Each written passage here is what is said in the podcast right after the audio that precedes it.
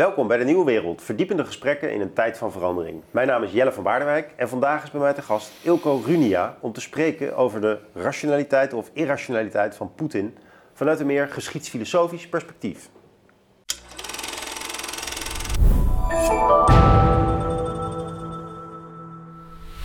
Ilko, welkom hier in Leiden. Dankjewel. Uh, ik las een uh, schitterend uh, opiniestuk van jou in NRC Handelsblad. Ik zal het ook linken onder de video, dan kunnen mensen er naartoe. Uh, ik dacht, nou, dat is nou een mooie aanleiding om eens met jou verder te bomen over hoe wij eigenlijk begrijpen wat geschiedenis is. En welke verschillende concepten er van geschiedenis bestaan. Ja. Nou kende ik jou uh, vooral eigenlijk als de auteur die uh, kritiek had op de universiteit. En die deel ik ook. En ik denk dat veel mensen jou zo kennen. Maar eigenlijk ben jij zowel psychologisch als historisch een scholar. veel nadenkt op het snijvlak van die twee gebieden, bijvoorbeeld historische trauma's, uh, uh, die, waar zit een psychologische kant aan, en een meer historische. En, en je bent ook behoorlijk cultuurfilosofisch, in de zin van de gro grote greep op uh, thema's als van, ja, wat is nou eigenlijk geschiedenis, hoe moeten we er naar kijken?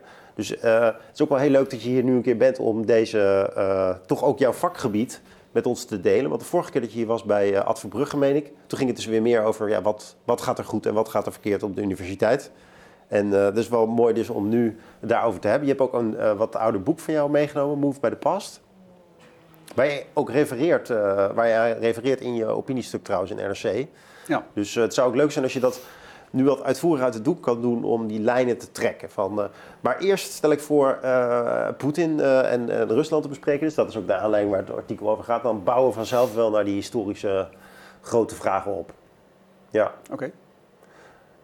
Je zegt eigenlijk in dat stuk dat uh, is Poetin nou zo irrationeel als we denken dat hij is? Hè? Of, of, zit er toch, of is het toch eigenlijk een rationele schaker? Kun je, kun je dat eens toelichten, die twee perspectieven die we op hem hebben? Is het een gek of is speelt hij dat hij een gek is? Is hij eigenlijk gewoon slim met beeldvorming bezig zijn eigen imperium uit te bouwen? Of, of is, het, is het een dwaas? Ja, nou, ik denk geen van beide, maar het is wel heel interessant om, om, om dat perspectief te hanteren. Want uh, inderdaad, er is veel discussie over, is die gek? Sommige mensen zeggen dat hij ronduit gek is. Andere mensen zeggen dat hij superrationeel is en buitengewoon berekenend is. Um, in het stuk in de NRC haal ik een aantal dingen uit elkaar. Dat je kunt kijken naar uitgangspunten, dat je vervolgens kunt kijken naar middelen en dat je ook kunt kijken naar doelen. En op elk van die vlakken zou je kunnen nagaan, is iemand rationeel, is Poetin rationeel of is hij dat niet? Um, en ik denk dat je dan voor, voor ogen moet houden dat er een groot verschil is tussen, tussen miscalculatie en irrationeel. Je kunt behoorlijk rationeel qua besliskundig proces te werk proberen te gaan en uh, foute berekening maken. Dan ben je niet gek, maar je maakt een foute berekening. Dus miscalculatie is iets anders dan irrationeel. Dat is een heel simpel, volgens mij een heel logisch, heel hygiënisch onderscheid. Um, in het stuk in de NRC laat ik zien dat zijn uitgangspunten um, behoorlijk rationeel zijn. En dat je ook gegeven die uitgangspunten kunt zeggen dat ook zijn middelen behoorlijk rationeel zijn. dat is ook nog trouwens nog een heel ding. Mensen kunnen buitengewoon irrationele uitgangspunten hebben, um, maar gegeven die uitgangspunten heel erg rationeel handelen. Heel veel mensen die schizofreen zijn, hebben buitengewoon irrationele uitgangspunten, wat er allemaal in hun hoofd omgaat. Maar op basis van die uitgangspunten nemen ze eigenlijk stappen die, als je er precies naar kijkt, behoorlijk logisch zijn, rationeel zijn. Um, dus ik denk dat Poetins uitgangspunten behoorlijk rationeel zijn. Hij heeft een soort geopolitieke uh, uh, uh, calculaties gemaakt, hij heeft demografische calculaties gemaakt, hij heeft economische calculaties gemaakt en van daaruit is die, heeft hij zijn middelen gekozen. Die calculaties die zijn op zichzelf behoorlijk rationeel. Kun je, die, kun je kort iets verder uitpakken? Dus, dus bijvoorbeeld die economische calculaties, dat zeg je ook in het stuk, is bijvoorbeeld dat hij zegt, ja, we zijn eenmaal afhankelijk van gas uit Rusland. Ja, die Dus hij heeft inkomsten. Ja. En hij kan er gewoon eigenlijk, hij kan ervan uitgaan dat die lijn niet zomaar doorgeknipt wordt. Dus nou ja, die economische calculaties die hangen bijvoorbeeld samen met het feit dat hij natuurlijk voorziet dat over een tijdje na de energietransitie uh, uh, het Westen minder van zijn gas en zijn olie nodig heeft. Um, en, en, daardoor uh, uh, minder geneigd is om, om, te, om te zwichten voor zijn chantage of zijn, uh, of zijn, politieke, um, zijn politieke input. dus, dus, en, en, er zijn meer van dat soort redeneringen. Ik denk niet of het zinvol is om die allemaal op een rij te zetten. Maar hij heeft, een, hij heeft een, basis, een soort calculatie gemaakt. Van dit is nu de situatie. Demografisch gaat het heel slecht met Rusland. Dus we willen graag die, die Oekraïners erbij hebben. Hè, van een groot Russische, groot Russische natie. Um, Economisch is het een goed moment om dit te doen. Dat is ook een, een behoorlijk rationeel uitgangspunt. Ja. Militair strategisch is het misschien een, een hele uh, rationele stap. dus qua uitgangspunten zou je kunnen zeggen dat hij behoorlijk rationeel te werk is gegaan. En gegeven die uitgangspunten kun je vervolgens zeggen dat hij ook de middelen gekozen heeft. Of althans, het, het middel is eigenlijk een invasie van, van Oekraïne. Ook dat, daarvan kun je zeggen, dat is gegeven die uitgangspunten een behoorlijk rationeel middel. Hij heeft natuurlijk volkomen catastrofaal fout gecalculeerd. Maar invasie was vanuit zijn perspectief, met zijn uitgangspunten, behoorlijk rationeel. Het wordt pas heel erg uh, anders en heel erg irrationeel als je kijkt naar zijn, naar zijn doelen. We, we zijn geneigd om, um, om, om te eh, of laat ik het anders formuleren, zijn doel is eigenlijk, ehm, blijkt uit wat erover geschreven is inmiddels en wat hij daar zelf ook over heeft geschreven, to make Russia great again. Het is overigens denk ik heel interessant om je te realiseren dat we altijd geneigd zijn geweest om, om, om Trump als een soort nitwit neer te zetten ten opzichte van Poetin. Dat, dat Poetin een soort kat-en-muisspel altijd speelde met Trump. Ik denk dat het heel erg goed mogelijk is dat Poetin veel geleerd heeft van Trump. bijvoorbeeld geleerd heeft dat zo'n maximalistische, regressieve nationale agenda uh, politiek ontzettend goed kan renderen. En dat hij dus, uh, ook wat dat betreft, tot de conclusie gekomen is: to make Russia great again, dat is een goed doel om naar te streven.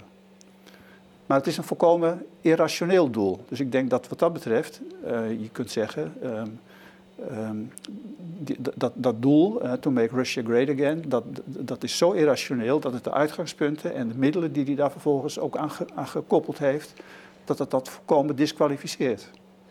Ja. En wat vind jij van het idee dat uh, culturele en politieke context ook de notie van rationeel rationaliteit beïnvloedt. Dus bijvoorbeeld uh, het argument dat Rusland een eigen opvatting van, uh, van een beschavingsorde heeft. Uh, toch wat anders dan dus bij Trump. Ehm, en echt anders dan het Westen. En dat, dat, dat het, om dat te kunnen verwezenlijken, dat dat toch voor hem eigenlijk heel natuurlijk en rationeel is. Dus dat, dat dat to make Russia great again, dat dat niet zomaar een soort van fantasie is van een, uh, van, een, uh, van een imperator, van een dictator, maar dat dat leeft onder mensen en dat dat ook de notie van redelijkheid al beïnvloed heeft. Dat heel veel mensen dat ook zo ervaren. Dat het, dat het voor ons als een fantasie en een illusie overkomt en zelfs irrationeel, maar dat het voor hen eigenlijk voelt als een vervulling van hè, hè nu gaat Rusland eindelijk. Hoe, wat vind je van die gedachte? Want dan zou je moeten zeggen dat dat doel misschien helemaal niet zo irrationeel is. Nou, ik, ik denk dat, dat dat een beetje, dat is ook een van de dingen die ik in mijn boek beschrijf. Um, dat dat een beetje ook ons, ons gezichtsbedrog is. En dat dat ook een, berust op een soort psychologische noodzaak. Wij zijn ontzettend gewend dat, dat grote beslissingen, zo'n beslissingen als de Oekraïne binnen te vallen, Maar dat geldt ook voor andere grote beslissingen. En je zou zelfs kunnen zeggen, hoe groter de beslissing, hoe meer het geldt. Wij zijn gewend, grote beslissingen moeten ook grote oorzaken hebben. En bij grote oorzaken zoeken we al snel naar alomvattende ideologieën. Um, ik laat in mijn boek zien dat ideologieën vaak secundair zijn. Dat die, er, dat die er wel bijgehaald worden om een, een, een grote stap te rechtvaardigen, maar dat je niet uh, uit die ideologieën de, de, de, grote historische gebeurtenis kunt verklaren. Om een voorbeeld te noemen, we zijn natuurlijk ontzettend geneigd um, om de Franse revolutie te verklaren uit de verlichtingsidealen, um, de verlichtingsideeën die zo in, het, in de loop van de 18e eeuw opkwamen. Als je kijkt naar hoe die revolutie, de Franse revolutie plaatsvond, dan moet je constateren dat dat een soort orgie van, van daden was, een soort cascade van gebeurtenissen was, waarin gaandeweg um, uh, men tot de conclusie kwam van hé, hey, hierom doen we deze revolutie. Hierom plegen we deze revolutie. En dan worden vervolgens die verlichtingsidealen erbij gehaald om die orgie van daden, die dus in feite primair zijn, te rechtvaardigen. Ik denk dat iets soortgelijks hier gaande is. Er is een neiging bij, bij, bij Poetin geweest, daar kunnen we straks misschien verder over hebben, om een sprong in het duister te wagen. Ehm, en vervolgens gebruikt hij een ideologie die min of meer klaar ligt, hè, waar natuurlijk allemaal documentatie over is, over Alexander Dugin en zijn Eurasiatische idealen. En dat gaat veel verder terug in de tijd naar de Trubetskoy en al, allemaal, allemaal andere denkers aan het begin van de 20e eeuw. Die er vervolgens bijgehaald wordt om die primaire daad, die sprong in het duister, te rechtvaardigen. Dus ik denk dat het een psychologische behoefte is, zeker ook van intellectuelen zoals wij en van analisten, mensen die denken over geschiedenis, om zo'n gigantische, sublieme, zoals ik het in mijn boek doe, sublieme daad te rechtvaardigen vanuit een, nou, een, een daaraan voorafgaande ideologie. We kunnen ons bijna niet voorstellen dat zo'n grote daad, dat dat een, een, een groot gehalte heeft van, laten we het maar doen, een sprong in het duister. Ja, toeval. Nee, niet toeval. Ehm, een sprong in het duister. Een, een, een, een bewuste, ja, ja. of niet helemaal bewuste, maar in ieder geval een, een, een, keuze van laten we de sprong maar wagen. Ja, ja, ja, ja. Een soort behoefte aan handelen.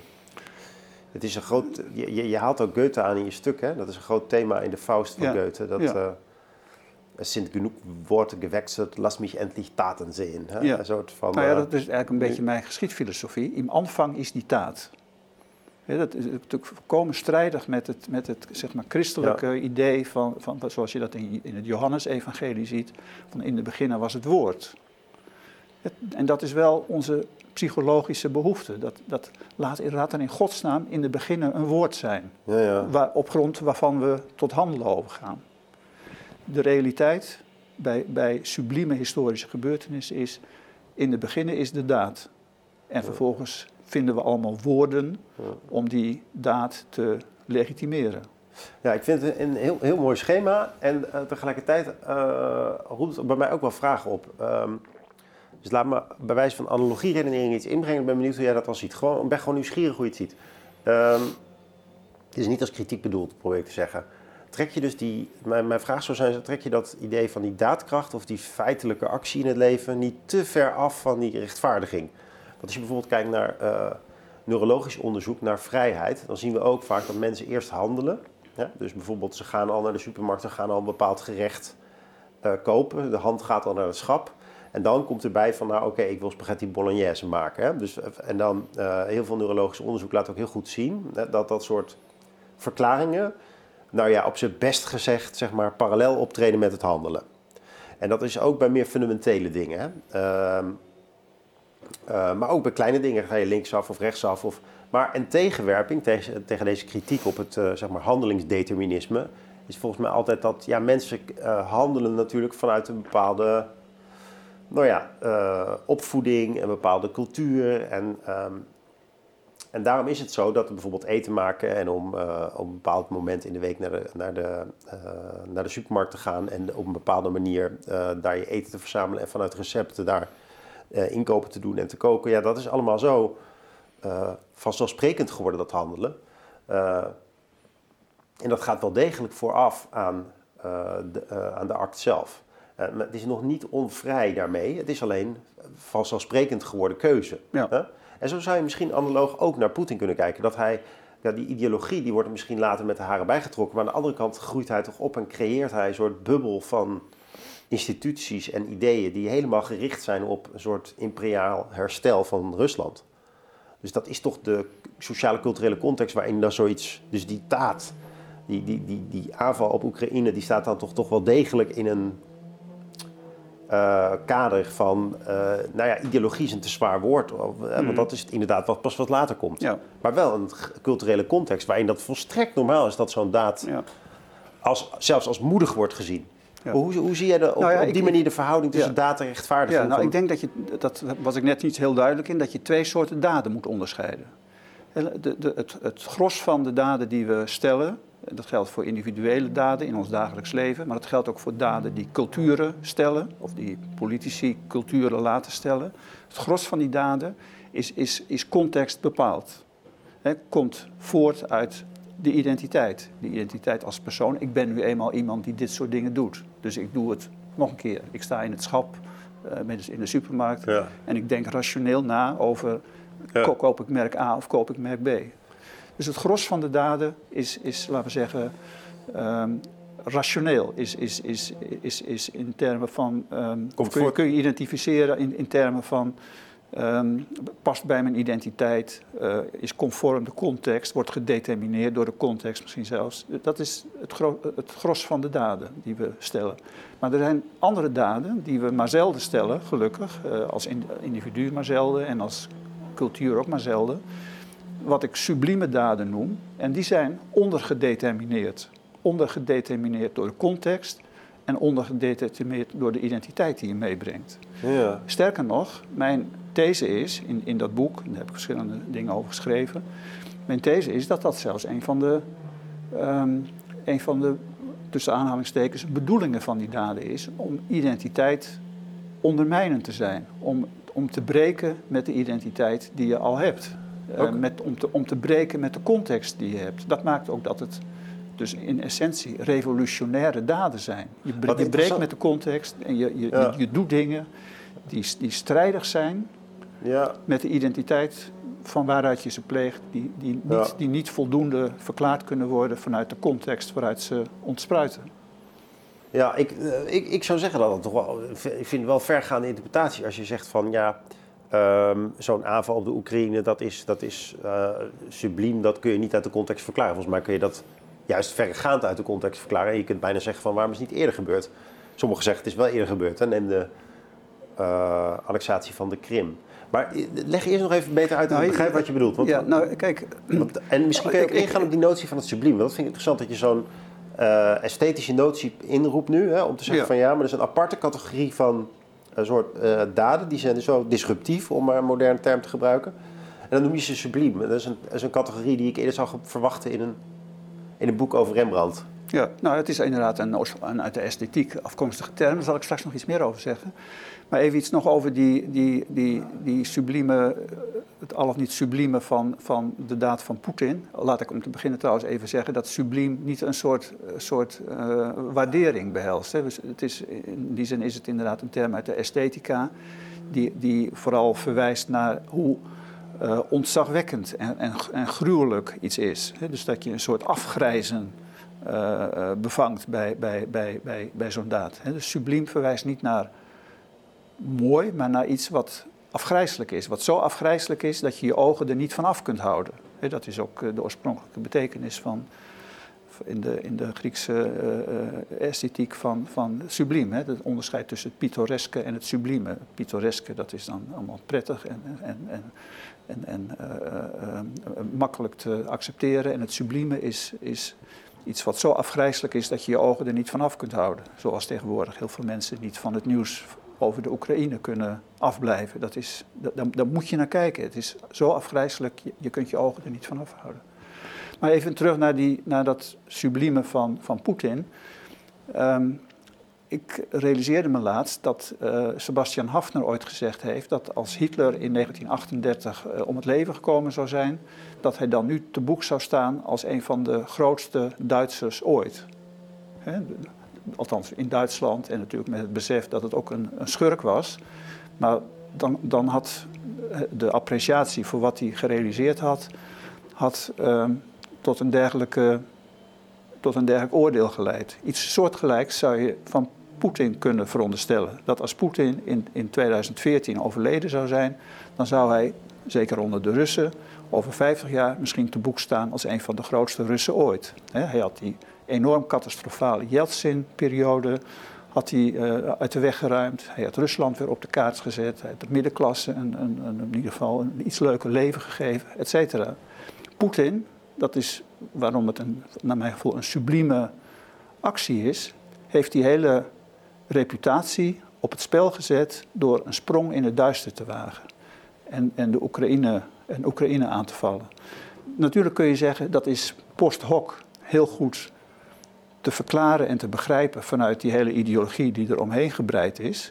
Maar dat is denk ik een, ehm, een, een, een, een, ehm, een, een vertekening die wij als wezens die dingen willen begrijpen aanbrengen. Ik denk dat, dat we moeten kijken naar waarom is het zo'n. Waarom doet iemand in zo'n positie opeens een sprong in het duister? Met een volstrekt ongewisse uitkomst. Ehm, ehm, die, die alles wat hij tot dat moment heeft bereikt uh, op het spel zet. Dus dat, dat, dat enorme gokelement van laten we de gok maar wagen, ja. dat is naar mijn gevoel cruciaal in deze actie. Dat wil niet zeggen dat het het hele verhaal is, maar het is wel een aspect van het verhaal wat, wat chronisch in de manier waarop we erover praten en over denken onderbelicht blijft. Nee, in je stuk suggereer je toch ook dat het een, eh, een gok is die wel gecalculeerd zou kunnen zijn en dat hij dus een miscalculatie heeft gemaakt. Dat het ook wel het moment leek te zijn voor een, voor een, voor een gok. Hè? Dus, uh, nou ja, dat is natuurlijk het, hele gekke aan de situatie. gegeven dit doel, of gegeven die neiging om een sprong in het duister te wagen, ja. um, heeft hij voor deze window of opportunity gekozen. Wat op zichzelf behoorlijk, behoorlijk rationeel is. op dezelfde manier zou je kunnen zeggen, naar, naar het, het, Duitse opperbevel in, in 1914. die, die waren ook helemaal helemaal doordezend met de Slieven-doctrine. Dus het idee van Duitsland moet een twee-frontenoorlog voeren en de, de, tijd tikt in ons nadeel weg. Rusland wordt hoe langer hoe sterker. Uh, Frankrijk is, is, uh, is zich aan het uh, herbewapenen. De tijd tikt in ons nadeel weg, dus we moeten nu toeslaan. daar, daar, zit natuurlijk ook een hele gedachtegang achter, maar die, die, die, die, ehm, die, die enorme drive om, om, ehm, ja, om het nu te doen, hè, om het daadwerkelijk de sprong te wagen, die is denk ik vergelijkbaar als je kijkt naar Poetin in, in, in 2022 en het Duitse opperbevel in 1914. Je noemde even die Hafner, hè? die heeft ook een boekje geschreven over Hitler. Ja, daar staat dit volgens mij in, deze, oh, ja. dit citaat. Ja. Aanmerkingen to Hitler. Ja. Nou, dat is, dan ben, ben ik er weer vergeten. Maar de hoofdlijn ben ik niet vergeten. Namelijk dat hij eigenlijk zegt van ja, er zit een soort zelf... Een tendens tot zelfvernietiging in die eh, Hitler. Ja. Dus die, die, die heeft zo, zo vaak dit soort gokken gewaagd. Precies, dat is een, een cruciaal element. Het gestoord geweest eigenlijk. Nou, ik weet niet of het gestoord was, ik, ik, want daarmee doe je het eigenlijk onrecht. Het is veel interessanter dan alleen zeggen het is gestoord. Het is een, het is een, een, een cultuur, historisch, psychologisch syndroom. Soms, in sommige situaties, doen mensen dit. Hitler is daar inderdaad een perfect voorbeeld van. Ik noemde al dat Duitse opperbevel uit, uit, uh, uit 1914. Ik, ik, zou zeggen Poetin. En op kleinere schaal doet het zich ook voor. Hè. De beslissing van, van, van, van George W. Bush om de, om de Oekraïne binnen te vallen... had ook dergelijke elementen. In de zin van dat het een actie was... Die Irak, volstrekt, die, die Irak binnen te vallen. Wat zei ik? Ja, Oekraïne. Oh ja, Irak binnen te vallen. Um, dus een, dus een, een, een, een, een ondergedetermineerde actie. Hè? Zoals dat toen letterlijk gezegd werd, we hebben argumenten nodig en, en de inlichtingen van de inlichtingendiensten nodig die deze beslissing, die er eigenlijk al was, hè, we vallen ja. Irak binnen, uh, te rechtvaardigen. We moeten to, to fix the, the, the, the, facts around the policy. Hè? Dat, was, dat was de kreet toen. Nu, nu ook in je stuk zelf en nu ook een putje uit uh, je eigen onderzoek hiernaar. Dat is voor een deel gebundeld in uh, Move by the Past. Ik heb daar een aantal hoofdstukken van gelezen. Uh, dat is geschiedsfilosofische stuff echt. Hè? Ehm, ja. kun, je, kun je ons eens meenemen in wat de centrale gedachtegang is? En dan een aantal noties daarvan uit nu in het gesprek brengen. Ehm, bijvoorbeeld in dat hoofdstuk over Schieder, waar je het hebt over de bestemming en de ervaring. Ja, dat de geschiedenis toch een grotere, iets groters met je voor heeft eh, dan alleen maar het verlopen van de tijd. Hè? Ehm, ja. Maar misschien eerst even waar, waar, waar het boek in over het algemeen uh, over gaat. Nou, mijn boek gaat over historische discontinuïteiten. Dat is, en discontinuïteiten, dat zijn uh, gebeurtenissen waarbij de bodem opeens uit het bestaan valt. Dus dingen waarvan je je niet voorstelt dat ze kunnen gebeuren en die toch gebeuren. En, en er zijn tal van voorbeelden van. De, de, de, Franse Revolutie is daar een voorbeeld van. Het feit dat, je, dat in die Franse Revolutie de koning gedood werd. Uh, de Eerste Wereldoorlog is er een voorbeeld van. Uh, de, de, de, Amerikaanse Revolutie. Dus, dus, grote revoluties, sommige oorlogen uh, zijn discontinuïteiten. Ook de val van de Berlijnse muur is een discontinuïteit. Hè? Weldenkende mensen zoals wij konden zich tot vlak daarvoor eigenlijk niet voorstellen dat zoiets zou kunnen gebeuren. En toch gebeurde het. En dat is het kenmerk van discontinuïteit. Het heeft dus altijd iets van, van onverwacht en opeens wordt een hele nieuwe werkelijkheid eigenlijk geboren. Dus dat is eigenlijk mijn thema. En het boek laat zien, of, of laat eigenlijk, ik beschrijf eigenlijk een soort ontwikkeling in mijn eigen denken daarover. Dat ik aanvankelijk vooral geïnteresseerd was in uh, het traumatische gehalte van dergelijke sublieme historische gebeurtenissen. Dus met name hoe we ze verwerken. Hoe culturen omgaan met, nou, als er zo'n traumatische gebeurtenis, sublieme gebeurtenis heeft plaatsgevonden. En in de loop van de tijd is mijn aandacht verschoven naar niet naar hoe we ze verwerken, maar hoe we ze creëren.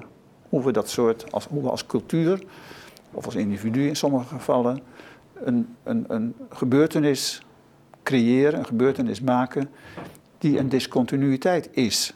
Waarbij dus de bodem opeens uit de werkelijkheid valt en waarin we in een hele nieuwe context belanden die we van tevoren niet konden voorzien. Ja, dat doet me wel meteen denken aan bijvoorbeeld die Franse revolutie, die ook wel door hysterisch, hysterisch wat ik zeg belachelijk, historici ook enorm is opgeklopt natuurlijk. Dus de, het hele idee van de revolutie is ook een interesseveld geworden. Mensen willen ook graag discontinuïteiten zien. Het groot maken van, van dat soort radicale breuken. Bedoelde je dat ook even? Nou, ik, ik denk dat mensen eigenlijk uh, discontinuïteiten juist niet zo, niet zo willen zien. Dat is oh, ja? een, van de, ja, ja, een, een, van de, van de dingen waar historici voor worden ingezet.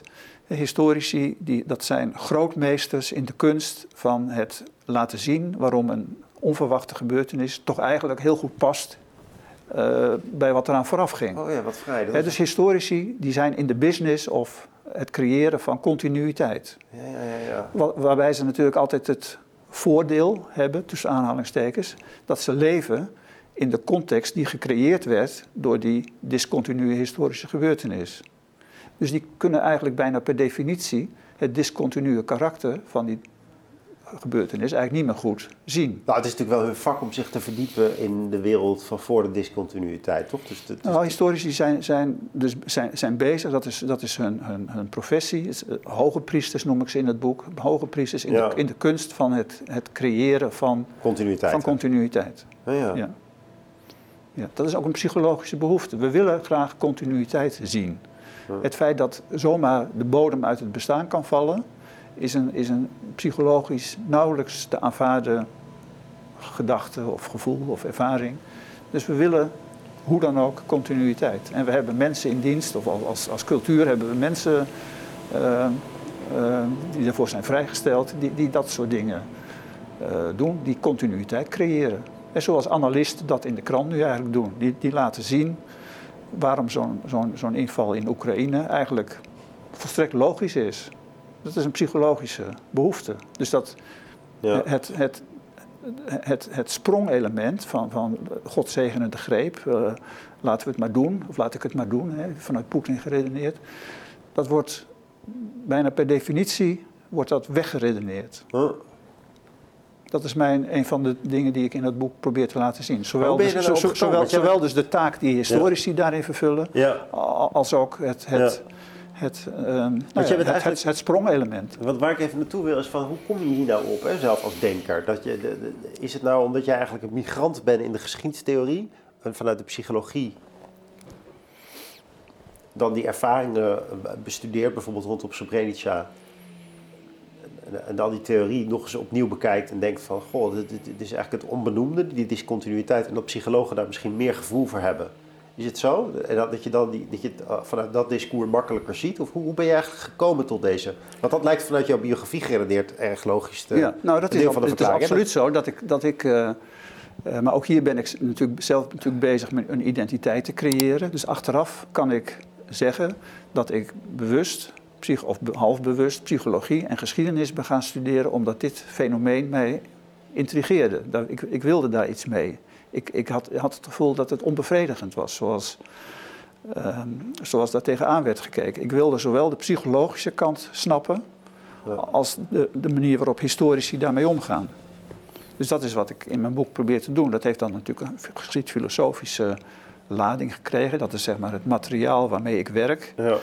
Uh, dus ik laat zowel, dus, dat, tenminste dat hoop ik, zowel die psychologische elementen van waaruit geschiedenis gemaakt wordt zien, als ook de, de, zeg maar, de historische elementen zoals ze in onze psychologie zitten. Ja. Maar zou je, zou je ook zeggen dat uh, een psycholoog, net als een historicus, eigenlijk eerder, nou psycholoog is misschien verkeerd gezegd, de menselijke psyche eerder tendeert naar continuïteit en discontinuïteit ingewikkeld vindt? Ja, absoluut. Dus het is eigenlijk niet alleen iets wat historici doen, maar ook het zit, het ook zit, de psyche is helemaal, helemaal, gericht op continuïteit eigenlijk. Ja, ik denk als je naar de, de biografieën van mensen kijkt, uh, als ik naar mijn eigen biografie kijk bijvoorbeeld, dan zie ik ook dat ik over het algemeen keurig bezig ben om een soort plot uit te leven, wat, ik, wat, ik, wat ergens in mijn hoofd zit. Een plot uitleven die wat past bij mijn identiteit. Dus dat dat, dat uh, 90%, 95% van mijn leven verklaart. Uh, uh, verklaart. Zou verklaren. En, maar dat ik soms dingen doe um, die ook voor mezelf eigenlijk als een verrassing komen. Um, en dat ik dan mijn leven op een, opeens op een ander spoor zie staan. Um, dus ik denk dat, dat dat, en dat zie ik ook om me heen, dat dat, dat eigenlijk, als je kijkt naar biografieën van mensen, dat dat eigenlijk de normale gang van zaken is. Ja. Over het algemeen keurig je identiteit uitleven en soms. Iets, iets, iets, doen wat, wat daar niet bij past, maar wat kennelijk wel in een soort ja. behoefte voorziet. En dan staat je leven op een ander spoor. En als we nu meer naar de geschiedstheorie gaan, hè, en dan ook weer terug naar je boek zo meteen hoor, maar eerst nog even als uitstapje geschiedstheorie. Als je bijvoorbeeld kijkt naar de christelijke visie op geschiedenis, dan is die... Uh, radicale breuk vrij belangrijk. Hè? Dus uh, het idee is toch dat er een, een periode van verlossing zal komen. Ja. Uh, en je hebt ook wel van die drievoudige schema's. Hè? Vader, zoon, heilige geest. En dat keert ook terug. Hè? Oudheid, middeleeuwen, moderne tijd. Ehm, dus toch een soort idee van... je kan een, een standaard wel maken. En de continuïteit daartussen is eigenlijk is er niet echt. En dat heeft ook wel zelfs oorlogen gerechtvaardigd in het verleden. Dus uh, ik weet niet of je daarmee eens zou zijn, maar er zijn dus duidelijk geschiedskaders die, die, die wel echt die grote discontinuïteit echt zelfs willen creëren. Dus die, en, en die zitten misschien ook wel ergens opgeslagen in ons hoofd. Hè? Van, uh, dat mensen dat ook eigenlijk ook wel, ook nu nog wel zouden willen. Hè? Mm -hmm. nu, nu, eigenlijk maar bijvoorbeeld de Europese Unie stichten. Of zoals het eigenlijk bedoeld is, de waardegemeenschap. Ja. En, uh, en die, en die Oekraïne ook zelf aangrijpen en de discontinuïteit heel groot maken om hem te integreren in een groter verhaal, weliswaar, maar wel van een nieuwe orde, een nieuwe wereld. Mm -hmm. Ja. Herken je dat als een, als een, als een dominant uh, manier om te kijken naar geschiedenis? Um, Niet van historici, dat is duidelijk, maar ideologisch gezien? Of? Ja, nou, ik, ik, kijk, um, je snijdt nu opeens een heleboel aan, namelijk ook, ook eh, die, die, hele christelijke manier om naar geschiedenis te kijken, waarbij natuurlijk vooral ook van belang is geweest dat dat een lineariteit creëerde in, de, in, in het denken over en het beleven van tijd. Dus dat, dat, dat, er, dat, dat de geschiedenis niet een soort cyclus was, maar dat er een lineariteit was die, die, die begon bij, bij uh, bij, bij, de geboorte van Jezus. En, en, en, die, die, die uitloopt in een soort verlossing uh, en, en, een soort het einde der tijden. Waarbij als je natuurlijk kijkt naar, de, naar, naar hoe daar in, bijvoorbeeld in de middeleeuwen naar gekeken is, het hoe langer hoe problematischer was dat dat einde der tijden maar niet kwam. En dat dus hoe langer hoe meer um, men moest leven met het idee van ja, we leven in een tijd die voortgaat, maar waarvan eigenlijk niet duidelijk is waar die, waar die eens een keer gaat stoppen. Um, dus ik denk dat, dat die, die, hele, of die, die, die middeleeuwse christelijke manier om met, met tijd omgaan, weliswaar twee discontinuïteiten veronderstelde, één aan het begin en één aan het eind, maar, maar eigenlijk ook ruimte liet voor, voor die continuïteitservaring van alles wat er tussenin gebeurde. Dus dat is één kant van het verhaal. Een andere kant van het verhaal is dat je natuurlijk, als je kijkt naar de geschiedenis, zeker in het, in het, in het, in het Westen, waar ik dan het meest van weet, dat er periodiek een behoefte is om het over een radicaal andere boeg te gooien. En bijvoorbeeld een revolutie te beginnen of een, een, een, een, een alles veranderende oorlog te beginnen. Dus die sprong in het duister te wagen. Ook dat is een behoefte. En opnieuw dat is een behoefte die, die analoog is aan, de, aan zeg maar, de biografische behoeften zoals individuele mensen die hebben. Ja. Misschien tegenwoordig meer dan vroeger. Dat is natuurlijk ook een interessante vraag. Of, of middeleeuwers, of die ook die, laten we zeggen, die, die individueel gevoelde behoefte hadden om af en toe even iets volkomen anders te doen. Iets wat niet paste bij hun identiteit.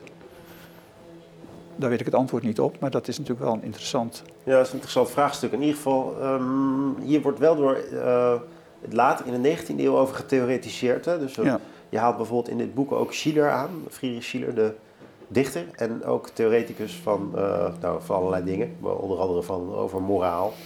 Ja. Maar ook wel over revoluties en historische omslagen, bijvoorbeeld in, in Nederland.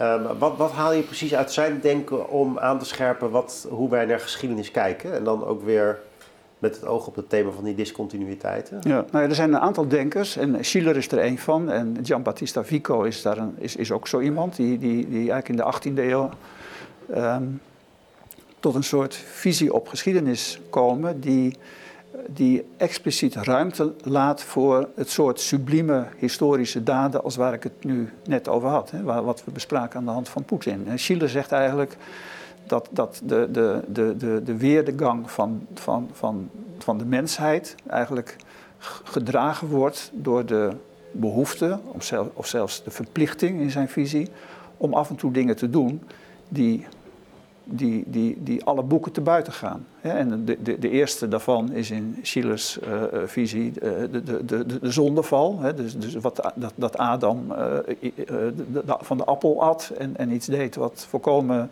strijdig was met wat, wat hem was, was, was aangegeven. Um, maar Schiller zegt eigenlijk dat, dat de geschiedenis van de menselijke soort bepaald wordt door en een vorm krijgt door um, af en toe dit soort sublieme gebeurtenissen. dus hij heeft een hele theorie over het sublieme. Uh, maar hij laat het ook zien in zijn feitelijke werk, is een, is een, is een toneelwerk. Dus het is niet alleen maar een historische theorie, het is ook een theorie die, die zeg maar, koppelt aan hoe, hoe, hoe echte mensen uh, leven en met elkaar omgaan. dus Schiller die, die, die, die heeft daar een hele uitgewerkte visie over. Maar die strookt dus eigenlijk met die van jou? Die van jou is daar deels op geënt? Uh, ja, dat, dat, zo kun je dat zeggen. Ik, ik ben geïnspireerd door, door iemand, als, iemand als Fico, maar, maar ook door zoals Schiller over geschiedenis uh, schrijft. Ja. En, en ik denk dus dat dat element van sprong in het duister, sublieme gebeurtenissen, dat dat onderbelicht blijft in de, zeg maar, de traditionele historistische geschiedschrijving van de, van de, zeker van de 19e eeuw, maar dus we zitten eigenlijk nog steeds in het verlengde daarvan. Maar dus ook in het publieke discours van nadenken over zo'n oorlog in de Oekraïne. Niet alleen maar historici, maar eigenlijk veel mensen die zien dat dus te weinig. Nou zei je uh, bij het begin van het gesprek dat een belangrijke notie in jouw werk ook geworden is presence, aanwezigheid, neem ik aan dat je het vertaalt.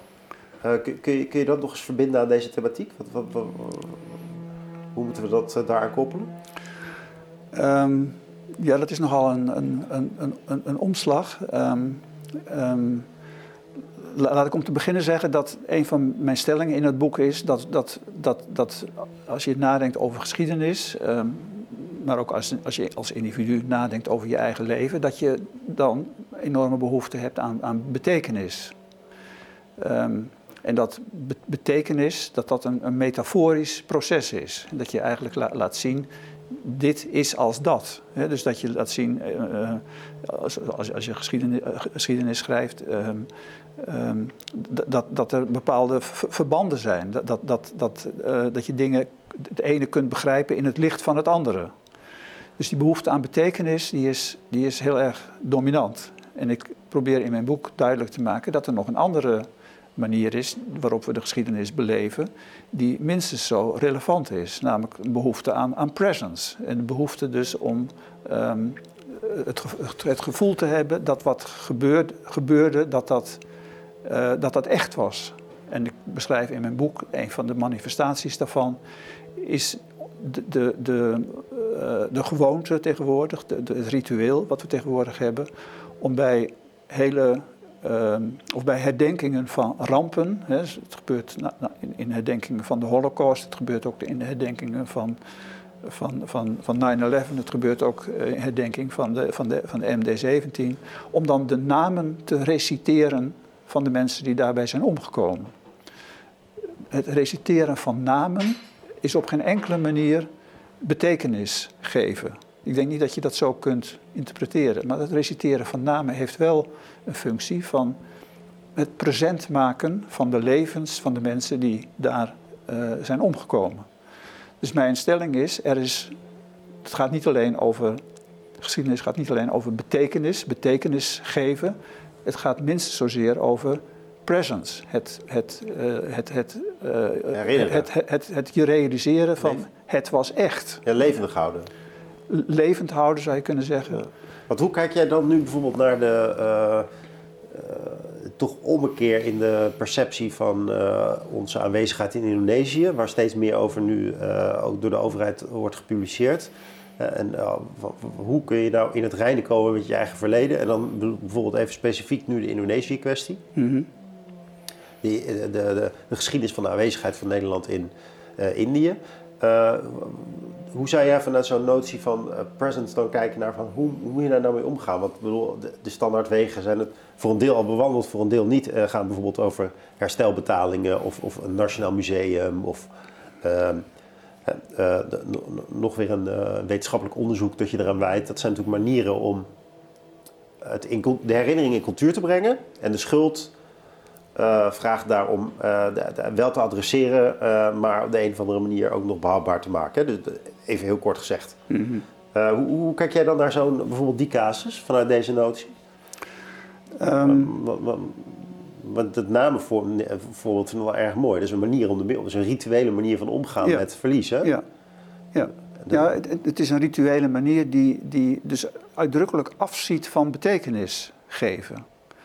Um, dus ik, ik, kijk, het ligt wel een beetje aan jouw notie van betekenis. Want je zou ook kunnen zeggen, ja, namen, namen reciteren, dat is toch juist betekenisgevend? Dat is toch een heel zinvolle act?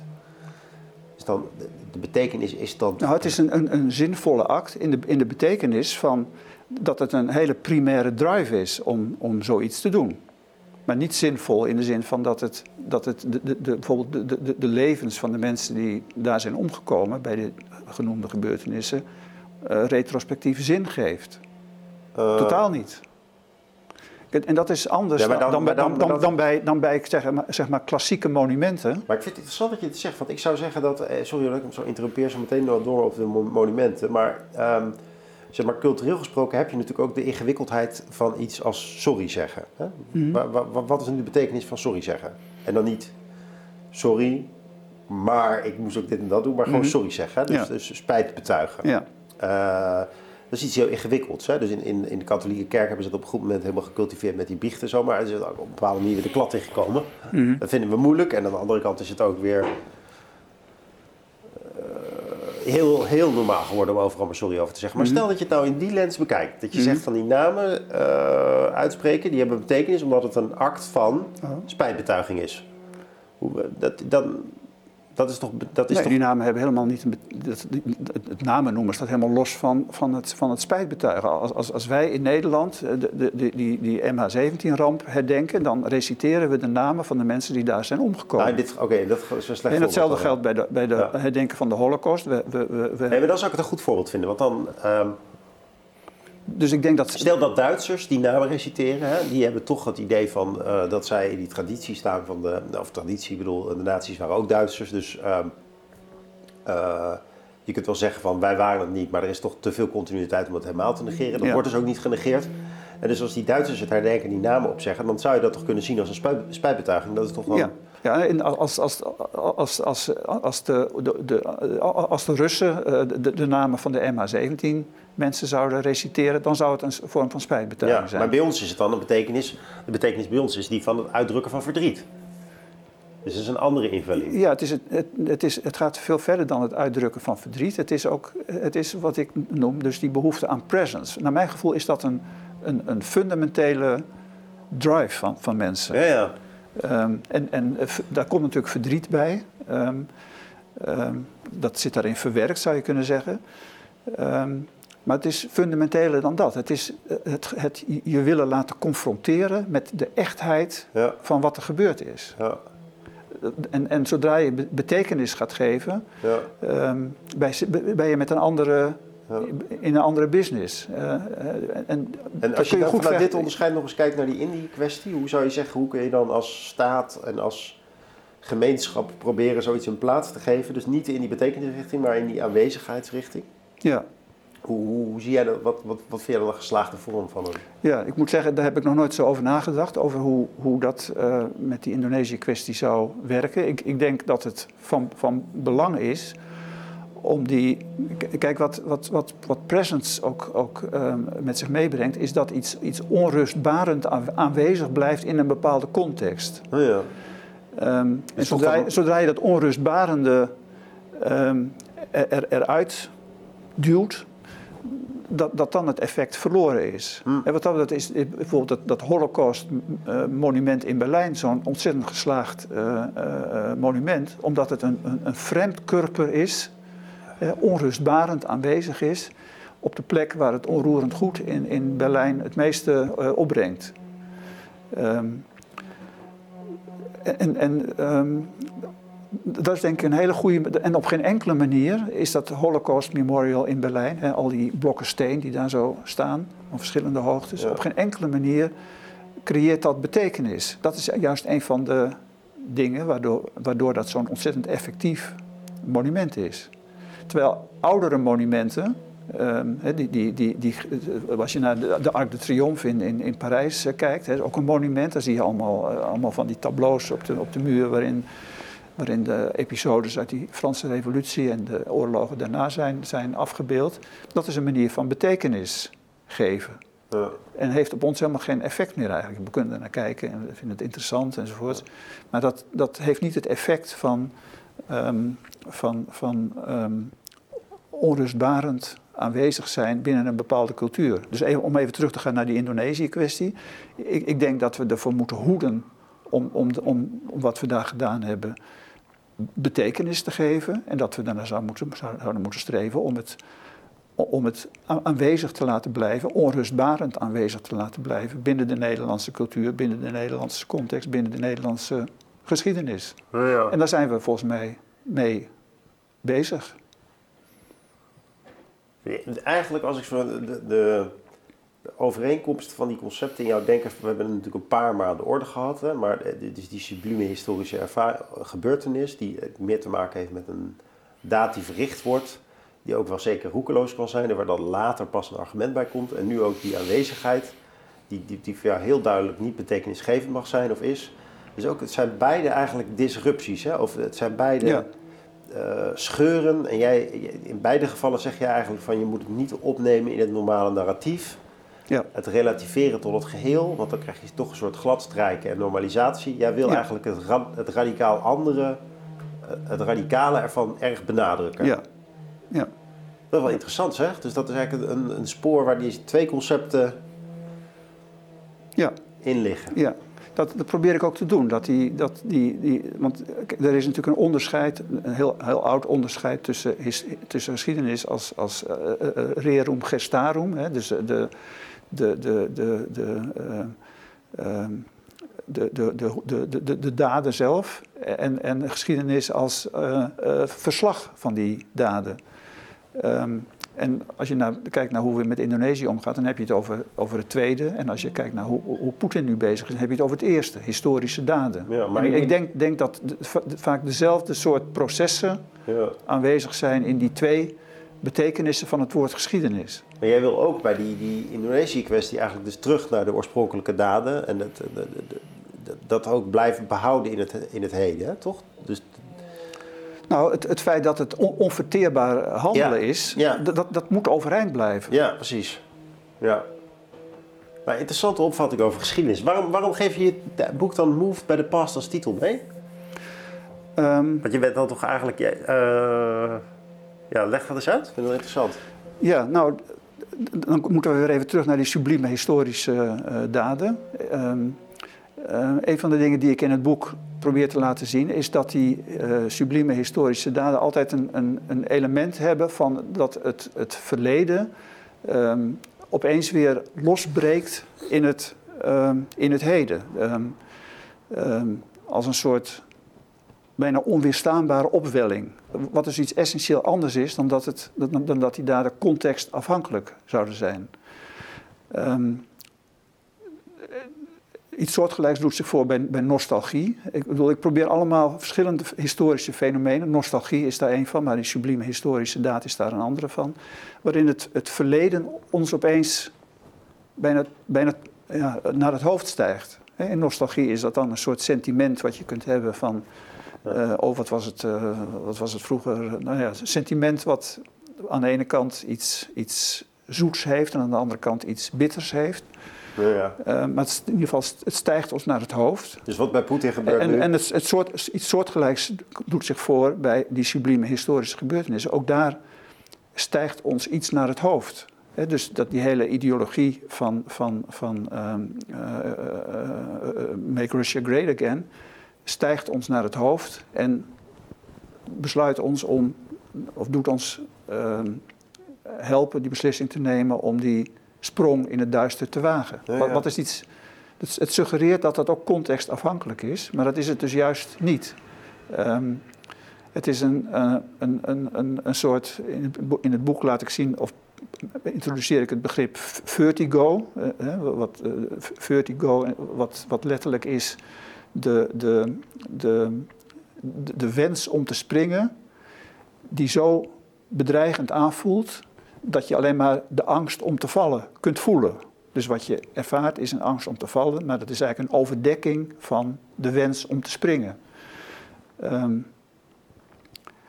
en die wordt zeg maar aangeblazen, naar mijn, naar mijn gevoel, doordat het, een, een, een deel van het, van het verleden zich een weg baant naar, die, uh, naar, naar dat moment, naar die, die historische situatie waarin iemand als Poetin bijvoorbeeld handelt. Ja. Je kijkt me een beetje glazig aan. Nou ja, ik kijk je glazig aan, want ik ook denk van ik zit zelf na te gaan bij mezelf dat naar herkennen. Zo'n vertigo-ervaring in de geschiedenis. Dat je het is nu, als je naar Rusland kijkt bijvoorbeeld, ook een groot gevoel hebt van... Uh, zijn we nou bang dat Oekraïne valt? Of is dat nou eigenlijk een verdekking van dat we zelf het idee hebben dat we zouden kunnen gaan helpen? Of hoe, hoe probeer de begrip een beetje toe te passen. Ja. En of ik ze dan herken. Dus uh, dat bij vertigo niet meteen, maar dat is ook wel heel duidelijk een psychologisch dat, begrip. Dat, dat, dat, dat, vertigo, dat zit meer in het hoofd van, van Poetin. Ik bedoel, wij zijn nog bezig als, als NATO, als, als het Westen, om, om, daar, om, daar een, om daar een soort rationaliteit tegenover te zetten. Ja, ja. Je, je, je, kunt, ontken je, je, dus kunt, toch weer dat hij in een soort rationaliteit opereert?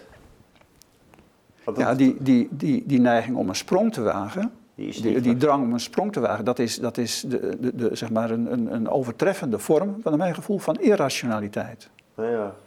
Maar gegeven die neiging, zou je kunnen zeggen dat het dat een aantal dingen, de middelen die hij inzet en, en de manier waarop hij naar de situatie kijkt, best heel rationeel kunnen zijn. Um, Ilke, ook met het oog op de tijd wil ik je bedanken voor deze uh, doorgang door, jou, door jouw denken en de, de, concepten die je ontwikkeld hebt om uh, dus te kijken naar radicale breuken, naar de afgrondelijkheid van geschiedenis eigenlijk. Ja, ja dat ja. ja. Als mensen daar meer over willen lezen, dan uh, kan ik dus aanraden om hier kennis van te nemen. Uit welk jaar komt het eigenlijk, Ilko? Ik geloof 2015. 16. Nog niet eens zo heel oud. Moved by the past. En lees het stuk in NRC Handelsblad. Ilko, jij dank dat je hier naar Leiden kwam om te vertellen en toe te lichten wat je nu allemaal bedoelt in dat opiniestuk. Ik denk dat het heel aardig gelukt is. Oké, okay, dankjewel voor dit gesprek. Vond je dit ook een interessant gesprek? Abonneer je dan vooral op ons kanaal. Dan krijg je iedere keer als eerste nieuwe gesprekken. Bedankt voor het kijken en tot ziens.